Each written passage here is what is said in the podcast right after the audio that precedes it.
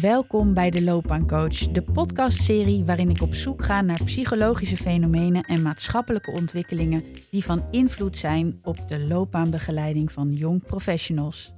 Deze serie wordt gemaakt vanuit de leergang loopbaancoaching van de Hogeschool van Amsterdam en mijn naam is Japke Ebbingen. Vandaag in de studio gaan we het hebben over systemisch werken en kijken. En dat doen we met iemand die hier haar levenskunst van heeft gemaakt. Haar eigen gezin van herkomst en haar jarenlange ervaring in de Nederlandse jeugdzorg gaven haar de kans vele systemische zaken te ontrafelen. Ze ontwikkelde haar eigen theorie van beschermjassen en schreef hierover samen met onder andere Irene Zwaan diverse boeken: De familieziel, beschermjassen, beschermjassen in de praktijk. En zelfs kort voor deze opname ontdek ik nog weer veel meer boeken, want het zijn er wel zeven. Begeleiding voor iedereen. Uh, hè, dus over het coachen in de transitionele ruimte. Kitlin, welkom. Dankjewel, Japke. Leuk. Ja, dank je. Kitlin, in wat voor systeem ben jij groot gegroeid? Um, ja, in een, uh, een uh, familie met heel veel verschillende waarheden, verschillende moralen. Mijn vader die komt uit een Chinees-Vietnamese familie. En mijn moeder komt uit een Creoolse, Duits-Portugese. En ik ontdekte pas geleden dat ze een Indiaanse oma had. Nou ja, dus een enorme warboel van bloed. Een enorme warboer van bloed en dan geboren in Paramaribo. En op welke leeftijd ben jij dan naar Nederland gekomen? Ja. Uh, ik ben geboren in 1953 en ik ben uh, op mijn zestiende naar Nederland gekomen. En ik vind dat wel altijd een mooi verhaal om te vertellen. Mijn moeder die verloor op haar zestiende haar vader. En hij had haar beloofd, ze deed eindexamen, uh, ja, dat heette toen MULO maar was vergelijkbaar met um, een soort MMS, zal ik maar zeggen, in Suriname. Middelbare meisjesschool. In 1938, ja. En uh, ze, haar droom was uh, docent worden, leerkracht. En daar moest ze afscheid van nemen, van haar vader en van haar droom.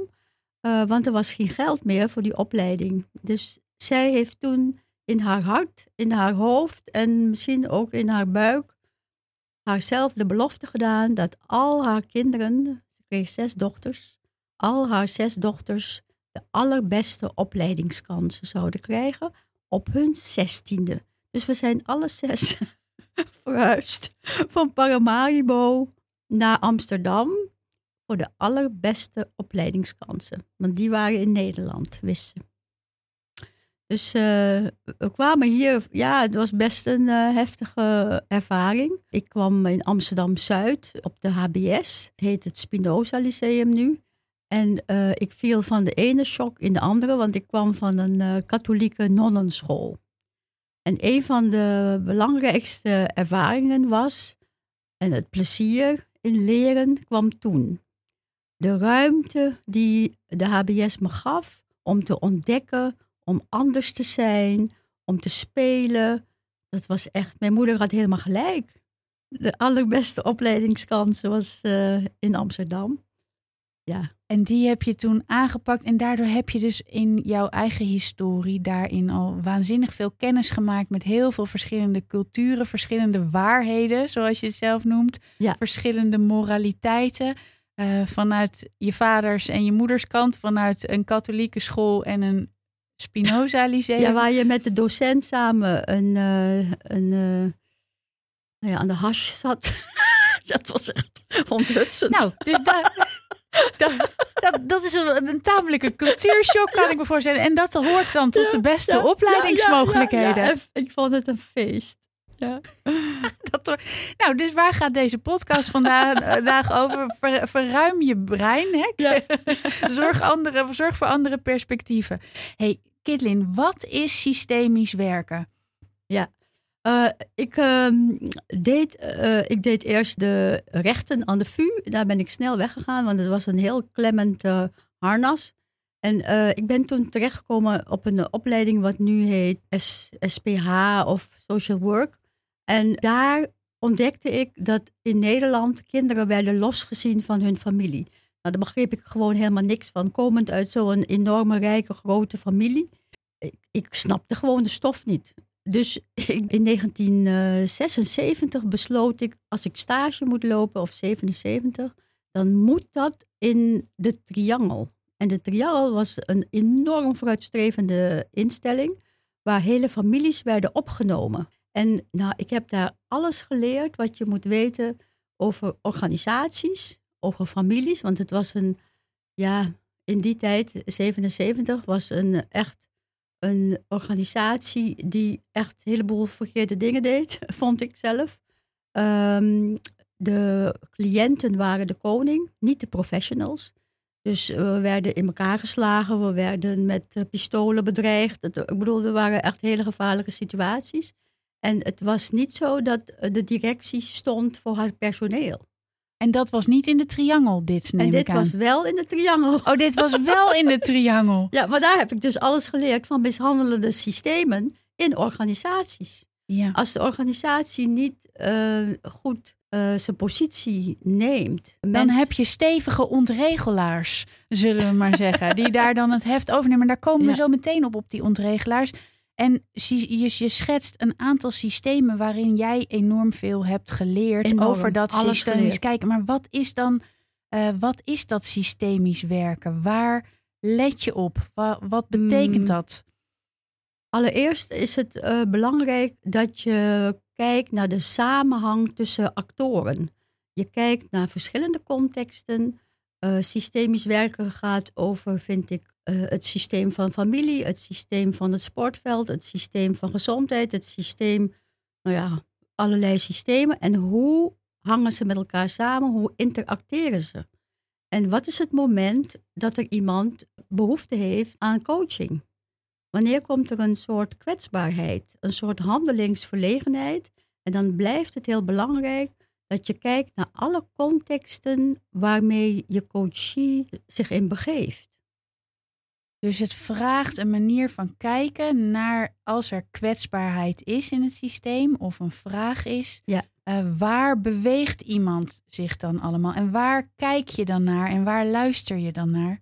Ehm, ik vraag altijd als bijvoorbeeld iemand komt met eh, het idee dat eh, hij of zij zielsverlies heeft, of iets van angst, of een, een- in een lastige situatie bevindt, dan ga ik eh, zoeken naar waar, in welke contexten speelt het nog meer, dat thema.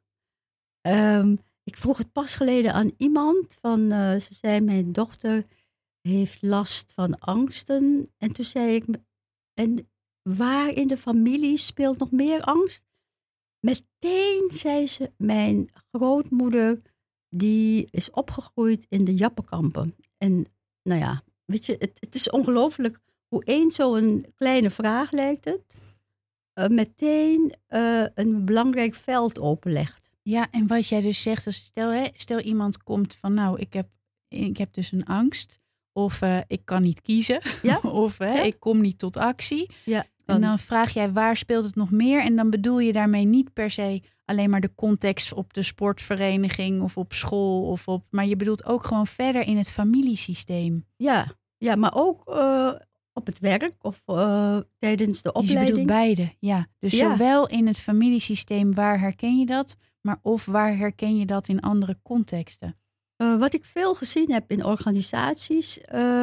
ik heb twintig jaar lesgegeven op de master begeleidingskunde. En in de laatste fase deden studenten onderzoek in organisaties naar diversiteit. Welke stemmen worden niet meer gehoord, bijvoorbeeld? Ehm, dan merk je dat eh, heel vaak mensen kiezen voor een organisatie omdat de normen en waarden overeenkomen met de familiewaarden. En op het moment dat eh, tijdens een fusie of een verandering een organisatie ongemerkt een belangrijke waarde opzij duwt, omdat het niet goed uitkomt meer, dan zie je ook dat er onveiligheid komt in de organisatie. Dus op het moment dat een, iemand komt om coaching, omdat hij zich onveilig voelt, of dan wil ik altijd kijken naar de historische lijn van de organisatie. Maar zeker ook naar de historische lijn van de coachie in haar geschiedenis of zijn geschiedenis. Omdat een tweede generatie of een eerste generatie na een groot verlies, dat zijn bepaalde thema's. Dus als in een organisatie een grote verandering komt, dan noem ik diegene de eerste generatie in een uh, organisatie. En als iemand na de grote verandering komt, dan noem ik ze een tweede generatie. Want dat zijn vaak de medewerkers in het bedrijf die gaan het verdriet dragen van de eerste. Die letten niet goed op hun grenzen. Die lijden aan zielsverlies omdat ze niet hun eigen route gaan lopen, maar zij gaan iets dragen van een ander. Dus ik vraag dan heel vaak: ben je ook een tweede generatie in je familie? Is er, speelt er een verlies in je familie wat jij draagt? Je ziet vaak uh, dat kinderen, als ouders een kind hebben verloren, gaan zorgen dat ze het liefste kind worden. Dus niet hun eigen ja, aandacht vragen voor hun eigen verdriet, wat ze natuurlijk ook hebben. Maar ze gaan zorgen voor de ander. En uh, dat doen ze ook in hun organisaties. Maar die mensen, die krijgen we heel vaak in coaching. En ook uh, jonge mensen, denk ik. Dat uh, loopbaancoaches zeker daarop bedacht moeten zijn op de tweede generatie. Dus de tweede generatie, en dit komt natuurlijk uit een migratietheorie, nou, denk ik. Nou, of niet? niet alleen, nee. Ook uit de grote verliezen. Dus trauma in de familiegeschiedenis. Uh, in mijn familie speelt migratie. Maar nog belangrijker speelt de dood van het zusje van mijn vader op haar elfde. Uh, toen uh, werd ze door haar ouders, mijn grootouders, op de boot gezet naar Nederland voor de beste zorg. Ze had trachitis en overleed onderweg. Nou, die, de jongste van drie, de mooiste, de liefste, dat heeft een enorme impact gehad op uh, mijn vaders handelen. En naar mijn moeder, naar ons gezin. Hij beschermde ons niet goed, vond ik. Hij liet zijn familie altijd maar binnenvallen en mijn moeder uh, schofferen. Um, hij had ze de deur uit moeten gooien. maar hij kon dat niet, want? Nee, hij was heel loyaal naar zijn familie, naar zijn ouders. Want die hadden zo'n groot verlies geleden en, en hij is dat gaan dragen. En daar wordt nooit over gesproken. We hebben net uh, zondag gehoord over 70 jaar Molukse geschiedenis. Van al die kleinkinderen die nu vertellen, de derde generatie, over hun grootouders, die hebben gezwegen. Over al die trauma's. Niet alleen over de migratie naar hier, maar ook over de trauma's die in de familie zich hebben voorgedaan. Bijvoorbeeld hier bij aankomst um, werd hun contract ontbonden als militair. Dus dat is uh, traumatisch geweest. Dus trauma is ook een belangrijke om naar te kijken. In het systeem. Ja. En eigenlijk, nu komen we meteen dus in dat, in dat generatiedenken. Dus de eerste generatie, maakt die, het mee. die maakt het mee, die loopt iets op. Ja. Dat kan het trauma zijn, uh, verlies zijn, migratie, verandering, migratie, dood. ziekte, dood, verlies. Ja. De tweede generatie. Gaat het dragen, die heeft het vaak niet meegemaakt. Maar die krijgt wel wat we noemen transgenerationele overdracht. Krijgt wel uh, de emoties overgedragen, maar niet het verhaal. Dus zij begrijpen niet waar de spanning die wordt ervaren, of het verdriet wat wordt gevoeld, waar dat bij hoort. Precies, want het is niet hun eigen nee, verdriet nee. of hun eigen, maar ze doen iets voor het systeem. Ja. En dan de derde generatie, ja. Die, uh, die kunnen het goed maken. Nou, die kunnen ontregelen. Die gaan vaak als uh, leden van het systeem zich belemmerd voelen. Dat, dat voelen ze. Gaan ze uh, proberen ruimte te maken. Door, ja, ik was een heel gek kind. Ik gooide iedereen uit het raam en borden eten. Naar ze, weet ik wat voor. Ik was een hel, zeiden mijn zus. En het is um, toch goed gekomen met haar mensen. Ja, het is heel ja, goed gekomen. Mijn zus zei, Kit, dat je toch een normaal mens bent geworden. Precies, dus heb je, een, heb je een rebellerend figuur voor je, het komt heel goed. boos kind, komt goed. Kijk, de, wat wij weten in de zorg, maar misschien speelt dat ook bij uh, jonge coaches die uh, terechtkomen bij loopbaancoaches, dat ze klachten hebben. Want de derde generatie ontregelt, maar krijgt ook de klachten. Ze gaan, krijgen vaak nachtmerries, ze worden angstig, terwijl ze niet zo goed weten waar het vandaan komt.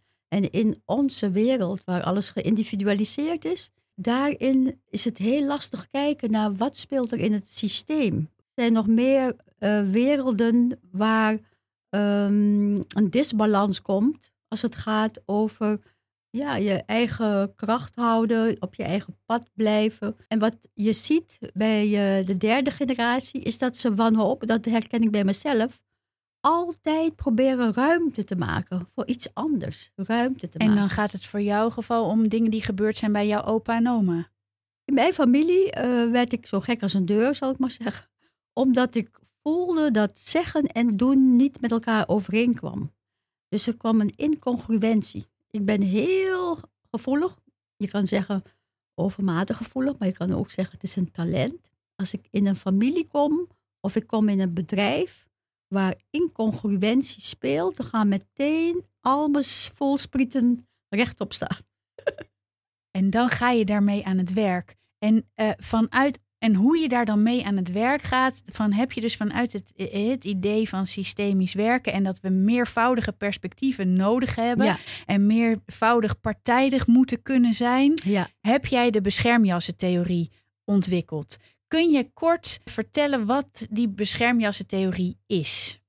Um, kijk, als ik steeds op zoek ga naar uh, dat wat er te weinig gezien wordt, dat wat er niet is, dat is eigenlijk een uh, belangrijke motivatie geweest. Bijvoorbeeld toen ik werkte in een kinderhuis in 1983, waar 40% van de kinderen al migranten waren. Maar we deden alsof alle kinderen en families hetzelfde waren. Tegelijkertijd de migrantenkinderen, die werden ook zo gek als een deur als ik. Dus ik dacht, we moeten eigenlijk veel meer de kinderen niet losknippen uit hun systeem, maar inbedden in hun systeem. En toen ik in 1991 op de tienermoederafdeling werkte van Altra, een kinderhuis waar tieners moesten bevallen, toen ontdekte ik dat Marie-Rose Moreau, een kinderpsychiater in Frankrijk, die had een theorie, dat zijn de Franse transculturele psychologen die dat hebben ontwikkeld, enveloppé, enveloppement, een individu of een familie omhullen, inbedden in groep en cultuur. Een prachtige term, hè? Even op je in laten werken, luisteraar. Enveloppement, omhullen. omhullen, inbedden in je eigen groep en cultuur. Ook, zoals bij die tienermoeders, ook als ja. die cultuur en omgeving even ver weg is. En soms al acht jaar ver weg is. De meeste tienermoeders die kwamen op hun veertiende, vijftiende, zestiende bij ons. En die waren soms al op hun achtste uit huis geplaatst. Van het ene tehuis naar het andere pleeggezin, crisisgezin. En uiteindelijk op straat beland. En daar zwanger geraakt. En kwamen dan bij ons. Die waren dus soms al jaren uit de familieschoot. Gehavend uh, hun jas, hun beschermjas. Noem ik het. Gehavend, de scheuren, de zakken eruit. En dat we dachten, als we nou zouden zeggen, wat zou jouw oma hiervan zeggen? Dan zag je enorme transformatie bij die jonge meisjes. Je zag ze ineens eh, ons horen, terwijl ze eerst uh, totaal niks hoorden. Uh, ze gingen niet naar de vroedvrouw, ze besteden geen aandacht aan lichamelijke zorg. Uh, nou ja. En als je ze dan dus eigenlijk door de vraag, wat zou jouw oma hiervan zeggen, ze weer onderdeel laat worden van het systeem, ook Precies. al is de oma niet uh, fysiek bereikbaar, exact. dan gebeurt datzelfde. Ja. ja, want wat de ruimte bracht, is dat in Nederland nog steeds we heel erg gefocust zijn op de toekomst en op het hier en nu, maar niet op het verleden. Terwijl daar heel vaak antwoorden zijn en oplossingen, bronnen die we niet uh, benutten. En die die meisjes zo hard nodig hadden. Bronnen en oplossingen in het verleden om de toekomst aan te kunnen Ja. en vorm te geven. Mooi. beschermjassen, zoals je het op je website zet, is een model dat ruimte schept voor diversiteit op de werkvloer. In hulpverlening en dienstverlening, in het onderwijs, in de wijk. Beschermjassen betekent bescherming bieden voor mensen en groepen door ze in te bedden in hun krachtbronnen. Daar komen we zo nog op. Want het gaat niet om je te omhullen van, met de ellende waar je misschien van bent weggevlucht. Maar juist dat je op zoek gaat naar, hey, wat zijn helpende dingen? Heel erg eigenlijk vanuit de positieve psychologie. Ja. En heel oplossingsgericht. Veiligheid en warmte bieden mensen omhullen in oude en vertrouwde. En daarmee uh, bestrijd je uitsluiting en creëer je uh, verbinding. Een andere belangrijk onderdeel van jouw beschermjassen uh, werkwijze is de riet de passage. Ja. en dat komt uit de culturele antropologie. Ja. Kan je ons daar wat meer over vertellen? Wat is dat? Wat Ja. doe je dan? Ja, ehm, ik, ik, ik vond dit artikel in, eh, geschreven in 95 door eh, vier antropologen, onder andere Dirk van Beckham. En zij schreven het vanuit de motivatie om te depathologiseren. Ik was ook op zoek naar, eh, naar dat. ja, Eh, dus je bent niet ziek en ellendig en wat is er allemaal voor narigheid? Precies, maar maar eh, we- ja. wij zaten altijd in de van wat is er niet en wat deugt niet en wat is er te weinig. Eh, nog steeds trouwens. Maar dit concept is ontwikkeld vanuit Van Gennep. In 1906 eh, beschreef hij dat. Dat ehm, als je in een lastige fase terechtkomt, het is vaak een levensfaseovergang waarbij de persoon, maar de hele familie eigenlijk kwetsbaar wordt. Als je kijkt naar die tienermoeders, die zitten in twee levensfaseovergangen. Op weg naar jongmoederschap en ook nog op weg naar jongvolwassenheid. Nou, dat is een hoofdpijn van te krijgen. ja, dus heel veel op je bordje. Ja, wij trouwens ook, de professionals, hadden ook hoofdpijn van die meisjes. en wat ik ontdekte, is dat in zo'n faseovergang er ook kansen liggen, herkansingen. Omdat een levensfaseovergang is een kwetsbare fase, de tussenfase, de liminele fase. Er is een fase waarin de, je ervaart enorme lege handen, naakt zijn, een besef van verlies en een besef van lege handen er nog niet zijn. En wat eh, ik prachtig vind van dat concept, is dat het er mag zijn. Het is ook een creatieve fase. De fase van de tussenfase, de liminele fase, er nog niet zijn, geeft ook enorme ruimte aan te mogen dromen. Eh, wat wel. Tegelijkertijd activeert die kwetsbare fase grote verlieservaringen. En dat zijn de traumatische ervaringen in jouw leven, maar ook in die van je ouders en grootouders. En de migratie. Dus twee hele grote verlieservaringen die altijd terugkomen in elke faseovergang. Opnieuw kun je ze aankijken. Wat is er blijven liggen? Je kunt het opnieuw bezien. Eh, dat vind ik een enorme kracht van die liminele fase. Dus die, die riete passage is, het is een overgang van situatie A naar situatie B.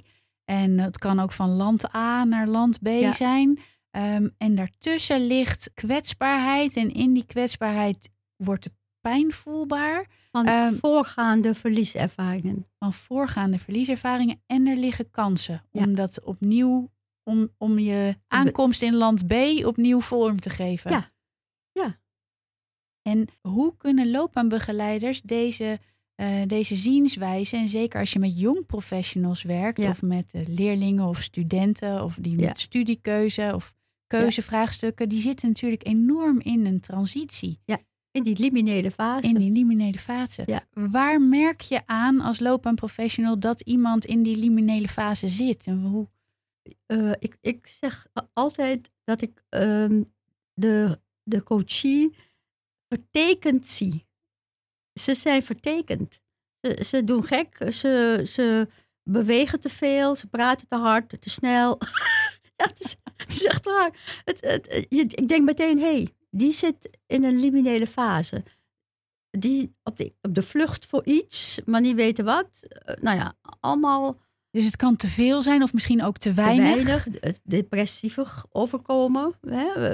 Heel, heel eh, angstig en eh, somber.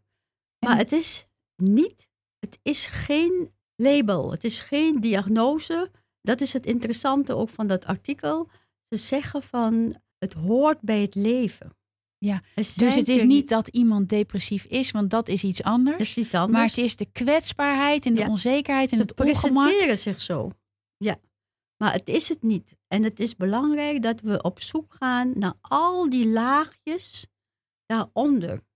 En hoe kun je dat als loopbaanbegeleider eh, doen? Hè, jij werkt veel met het genogram. Ja. Dat is een instrument. Zijn er meer instrumenten om te doen? Of is dat eh, wel de belangrijkste om mee te werken? Nou, de allerbelangrijkste is, is dat de loopbaancoach zichzelf ook beschermjast.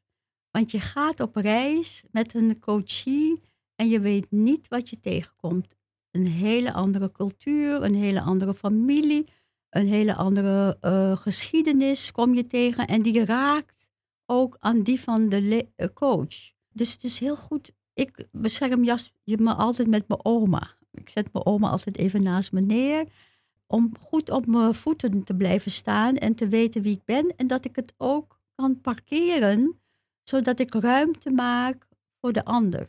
En dit is mooi, want jij gebruikt beschermjassen dus echt als een werkwoord. Hè? Ja. Dus als jij jezelf omhult, Ja. inbed in je eigen krachtbronnen, eigen eh, geschiedenis. in je eigen geschiedenis, dan, eh, dan ben jij jezelf aan het beschermjassen, zoals je dat noemt. Ja. Klopt. Het is een werkwoord en het is een zelfstandig naamwoord.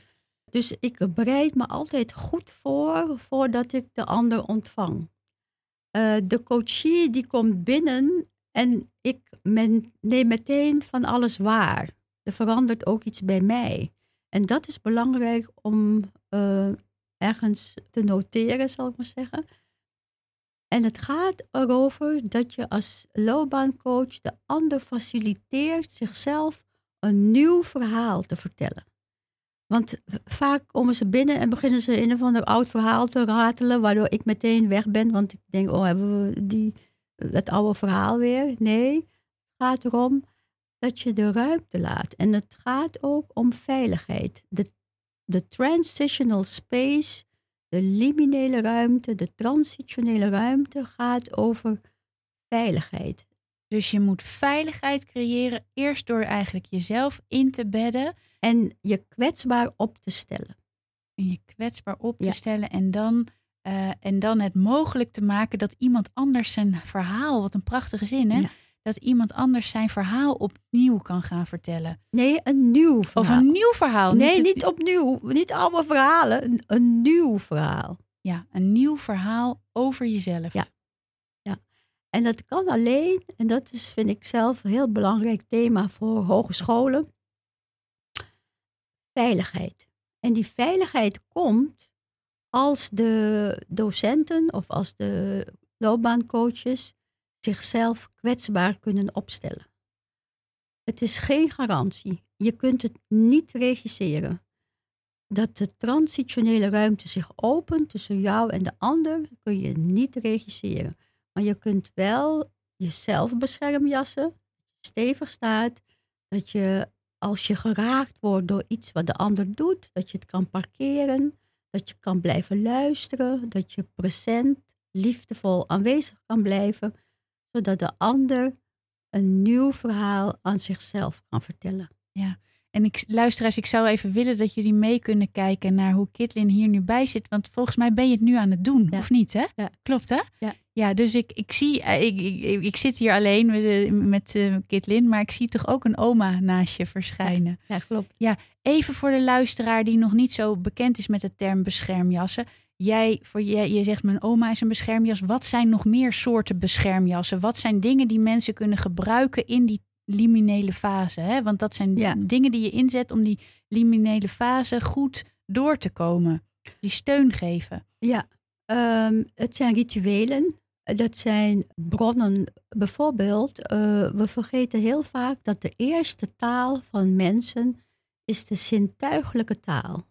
Ik heb eens een eh, jonge eh, vrouw in coaching gehad, een Iraanse. En ik vroeg haar of ze een beschermjas had meegenomen. Deed ze die enorme chique tas, eh, ja, ik weet niet, van een heel duur modemerk open. En er kwam een prachtig doosje uit, vol met Iraanse kruiden. En als het lastig werd in het gesprek, dan haalde ze het uit de tas en dan snoof ze het even op. die Iraanse kruiden en die brachten haar weer Ja, terug in, Ja, in alles Ja. eigenlijk. ja. Geur is ongelooflijk belangrijk. Dus de eerste taal is een zintuigelijke taal. En nou ja, de geur, daar kunnen we een hele aflevering over maken. ja. Eh, want inderdaad, met geur kom je terug in herinneringen die je niet eens wist dat je ze had. Ja. Precies. Maar Ja. waar wel wijze bronnen verstopt zitten. Ja, van daar moet ik naartoe of daar moet ik bij wegwezen. Precies. daar, eh, daar moet ik heen. Dus dat is de eerste. Hè. Wat kunnen loopbaan, hoe gaan, gaan loopbaanbegeleiders hiermee te werk? Dus het eerste is eh, zorgen voor veiligheid en eigen kwetsbaarheid. En dat je ruimte kunt maken voor die liminele fase. en voor die ander. Eh, Precies. En de- De dat ander, de ander komt eerst. Ja, en dat die ander die liminele fase in kan gaan en door Ja, kan gaan. Ja, en dat wij ons heel erg bescheiden opstellen. De, wat we vaak zien is dat loopbaancoaches enorm de behoefte hebben om te helpen, om te redden. En dan hebben ze de ruimte gevuld voordat de ander kan binnenkomen. Dan heb je de ruimte gevuld voordat de ander kan binnenkomen. En als dat dan gelukt is, hè, de ander is binnengekomen, Ja, ehm, dan is een van de belangrijke dingen die jij onder andere inzet, is dat genogram. Ja. Wat is een genogram en hoe werk je ermee?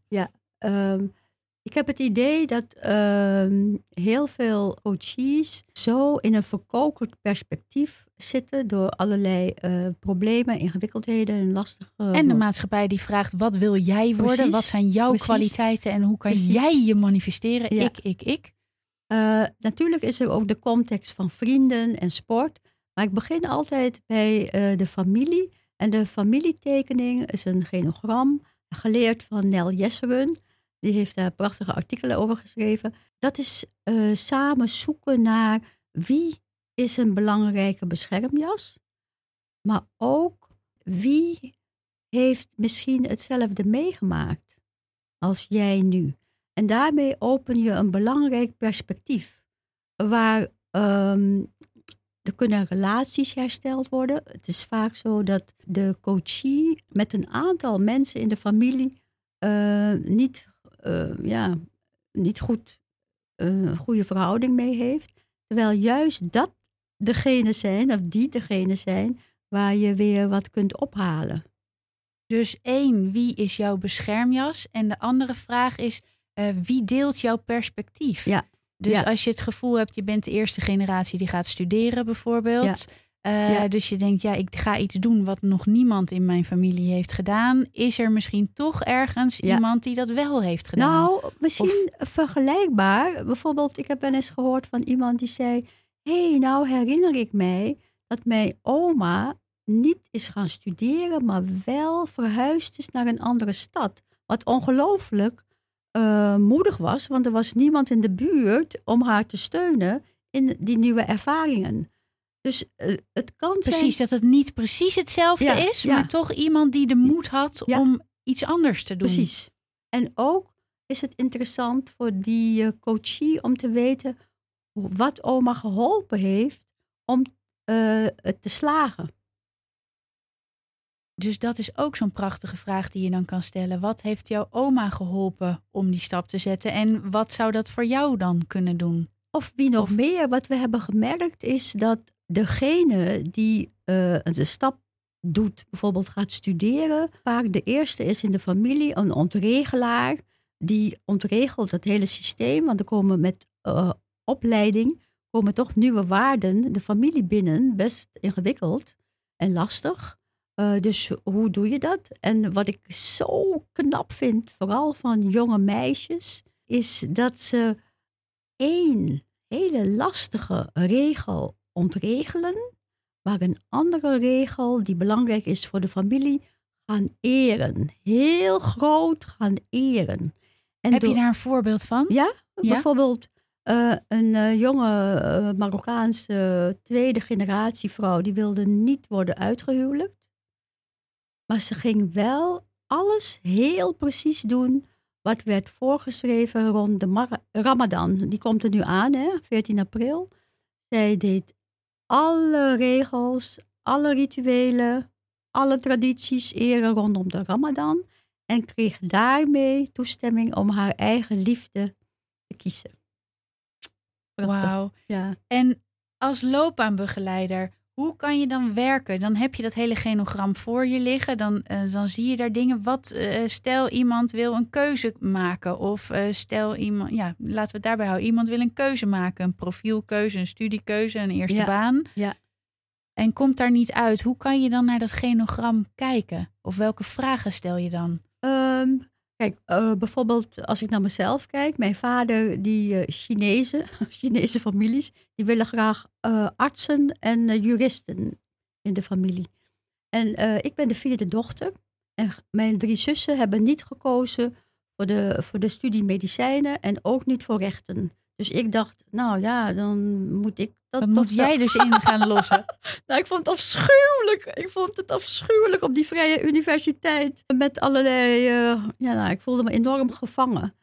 Ehm, dus ehm, het is belangrijk om te zien dat in mijn familie mijn vader ook een onregelaar was. Want in zijn familie waren ook eh, allerlei eh, artsen.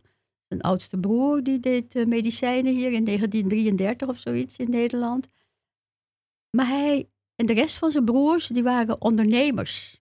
Hij wilde dat niet. Hij wilde een kantoorbaan. Dus hij heeft gekozen voor de witte borden, zeg ik maar.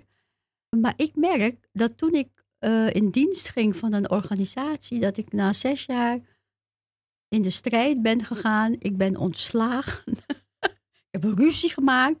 En ik ben sindsdien mijn eigen onderneming gestart. Dus ik dacht, hé, hey, En je dacht eerst dat is bevreemdend. En toen Ja. keek je naar dat genogram. En toen dacht je... Ja. hey, mijn grootouders waren allebei ondernemer. Mijn mo- grootmoeder die had een eh, winkeltje in Frans Kant, wat ze importeerde uit eh, Frankrijk in naar Paramaribo. En mijn grootvader had een bakkerij. Dus ze waren allebei ondernemers. Dus ik dacht, nou, dat moet ik kunnen. En oh, de- precies, dus dat heeft je zo gesteund. Dat moet ik kunnen. Dat, eh, Ja. dat vinden in je genogram Ja. eh, eh, steunt dan om die stap ook daadwerkelijk te kunnen maken. Ja, en ik dacht, ik heb Chinese wortels. dat moet ook helpen. Voor het ondernemerschap. Chinese ondernemerschap. In, die, in dat genogram zoek jij ook naar krachtbronnen. En dit zijn dus de krachtbronnen hè, waar je het over hebt. Of zijn er nog meer dingen? Wat zijn krachtbronnen in een genogram? Ehm, nou, ik had een eh, belangrijke eh, klik met mijn grootmoeder van moederszijde.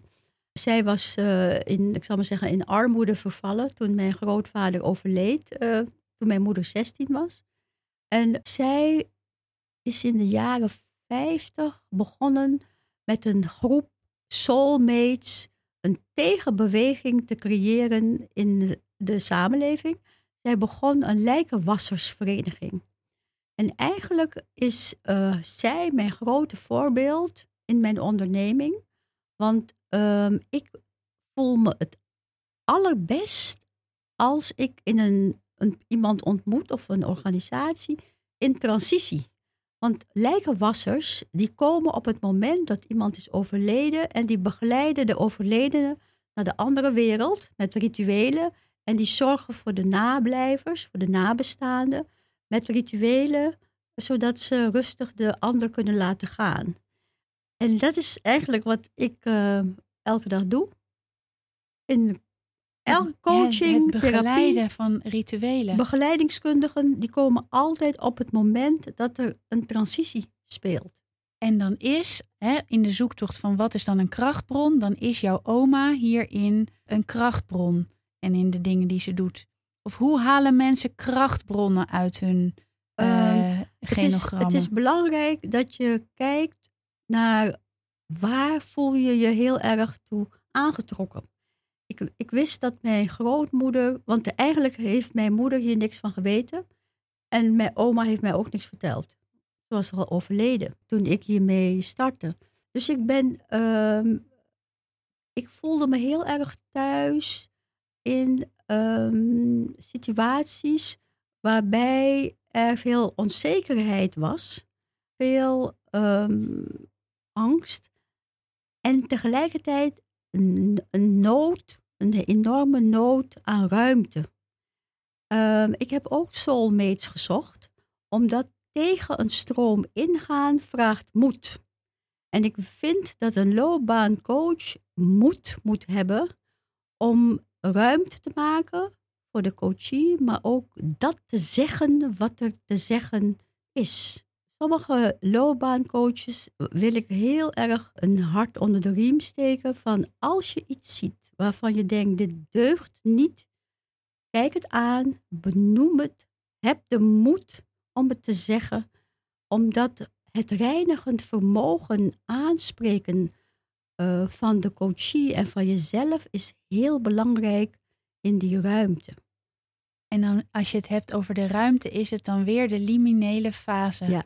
Ja, waar je het over hebt. Ja. En ehm, nou, veel loopbaanbegeleiders, of tenminste dat merk ik soms een aarzeling in het werken met systemen en ook een soort voorzichtigheid en respect, omdat ze ook een beetje bezorgd zijn van ben ik dan niet therapeutisch bezig? Begeef ik me niet op het terrein van een psycholoog of een psychotherapeut en eh, zijn misschien de vragen die ik dan krijg eigenlijk te groot? Wat, wat zou jij willen zeggen voor deze voorzichtigheid of aarzeling? Ehm, ik zou willen zeggen dat ehm, als het gaat over een verkokerd perspectief, en dat is bijna altijd wat er speelt als er een eh, coachie komt bij een loopbaancoach, is het zo belangrijk om op zoek te gaan naar perspectieven waar oplossingen in zitten. En of het nou een, de context is van de school, van de opleiding, de context waar iets gebeurd is, waar zich iets heeft voorgedaan, maar wat raakt aan de geschiedenis van je coachie, of dat het iets gebeurd is op straat, in de samenleving, op het voetbalveld. Het is belangrijk dat je verkennend bent in al die contexten met je coachie. Ook omdat de hogeschool is een liminele ruimte, is een transitionele ruimte van vier jaar, waarin uh, ik zeg heel vaak na wat ik geleerd heb van een echt fantastische professor, Patrick Meurs uit uh, Vlaanderen. Hij zegt, studenten op een hogeschool, die moeten hun schild van een kreefje afleggen en onder de loopbaancoach of de docenten kunnen schuilen. Ze zijn naakt, ze kunnen heel makkelijk uh, gedisqualificeerd worden, maar zij moeten in die veilige ruimte onder dat rotje een nieuw schild weven, een nieuwe jas weven. En die nieuwe jas bestaat uit al die contexten die bij ze horen, maar ook die er nieuw bij komen. En dat is denk ik wel belangrijk, dat dat je opdracht is als loopbaancoach. Dus maak ruimte als loopbaancoach voor die, voor die, um, nieuwe, voor die jas. nieuwe jas en ruimte voor die contexten. Welke vragen, als je morgen wil beginnen met hier oog voor creëren, welke vragen kan je dan stellen om die contexten te verkennen? Ik heb er al in deze podcast heel veel voorbij horen komen, maar wat is misschien de meest belangrijke vraag? Kijk, uh, ik vind dat de vraag van de coachie mij legitimeert om behoorlijk ver te gaan. maar de vraag van de coachie. Dus dat is de eerste dat, vraag die nou, moet dat, zijn. Die legitimeert mij. Dus als de vraag van de coachie is: um, ik ben ik angstig of ik, uh, ik, uh, ik, ik wat, je gaf een mooi voorbeeld. Ja, of ik wil een keuze maken, maar ik kom er niet uit. Of... Dan begin ik gewoon van in welke context speelt nog meer uh, met uh, mensen die voor jou belangrijk zijn, keuze maken. Prachtig. Dat is de eerste stap van verkenning. Ja. En daar volgt alles andere uit. En zo help jij ja. Kitlin Chinaji en uh, alle andere loopbaancoaches en begeleiders die nu toeluisteren, help jij de ander een nieuw verhaal te vertellen. Een nieuw verhaal zichzelf te vertellen. Ja. Dankjewel voor dit.